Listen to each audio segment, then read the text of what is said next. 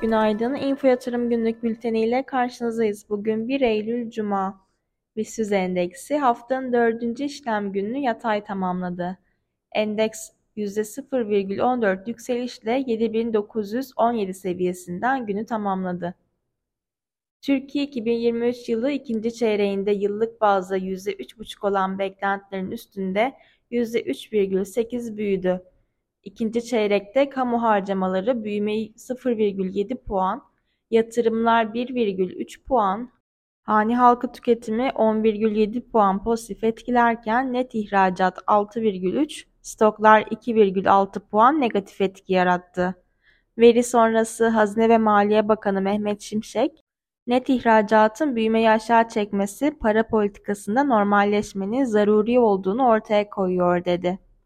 Türkiye Cumhuriyet Merkez Bankası 750 bas puan faiz artışı yapılan toplantının özetlerinde sadeleşme adımlarının kademeli olarak devam edeceğini belirtti. Özette sadeleşme ve KKM mesajları öne çıktı.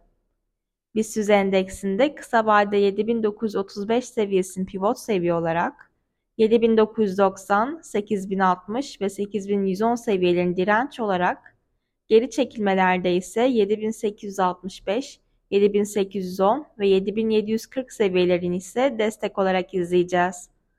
Borsa İstanbul'un güne alıcılı başlamasını bekliyoruz.